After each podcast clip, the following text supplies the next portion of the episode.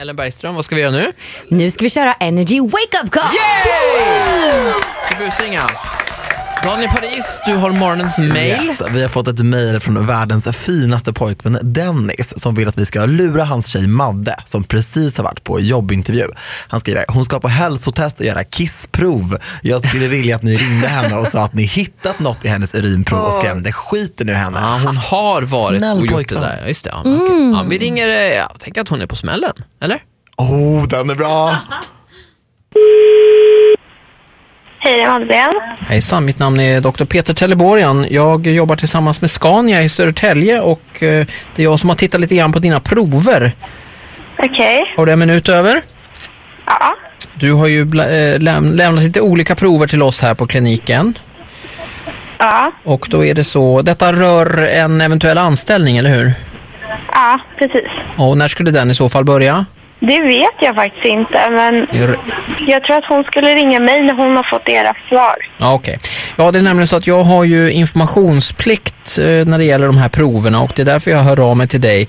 För att det jag kan se här eh, på proverna, eh, framförallt urinprovet, så är, det, eh, så är du faktiskt eh, med barn, du är gravid.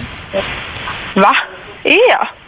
Ja, precis. Och eh, då tänkte jag att det var lika bra, jag visste inte om du kände till det eller inte, så då tänkte jag lika bra att jag ringer. Oj, nej det visste jag inte. Eh, nej, så att så ligger det till. Och eh, vad jag kan se här så är det ganska långt gånget också. Du rör dig någonstans i vecka 13, vecka 14 här. Oj. Ja, jag vet inte hur pass insatt du är, men, men eh, om man säger då eventuella åtgärder eh, har det liksom, den tiden har passerat så att säga. Jag kan inte göra abort, eller vadå? Nej, eh, det är lite för sent för det, så vi får gratulera. Du ska bli mamma. Nej, jag vill inte det. Ja, det kommer som en chock, jag förstår det. Man kan inte göra någonting alls, eller? Nej, ehm, nej det man kan göra det är ju att, Har du någon aning om vem pappan kan vara? Ja, det vet jag. Det vet du ja. Ja, och det är en bra kille. Ja, men jag vill inte ha barn. Heter den här killen Dennis? Ja. Dennis, okej, ja, vad bra ja. Eh, då ska vi se, jag ska eh, lämna över dig här till jourhavande socionom ska du få prata lite grann med vår eh, socionom här, Daniel Paris. Eh, Ja, hallå! Hallå? Hej! Vi, vi bara busar lite ja, Madeleine, förlåt, det är, jag är tillbaka med energy. Du är inte gravid, det är lugnt. Men gud! vi älskar dig, förlåt för det Åh, här. herregud! Nu blev du svettig va?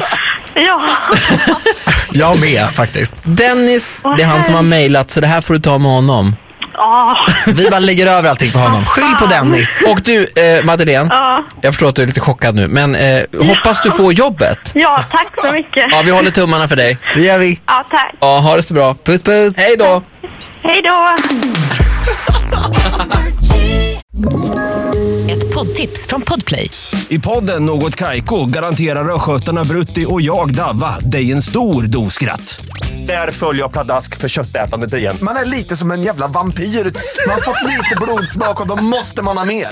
Udda spaningar, fängslande anekdoter och en och annan arg rant. Jag måste ha mitt kaffe på morgonen för annars är jag ingen trevlig människa. Då är du ingen trevlig människa, punkt. Något Kaiko, hör du på Podplay. Därför arkadeinerna.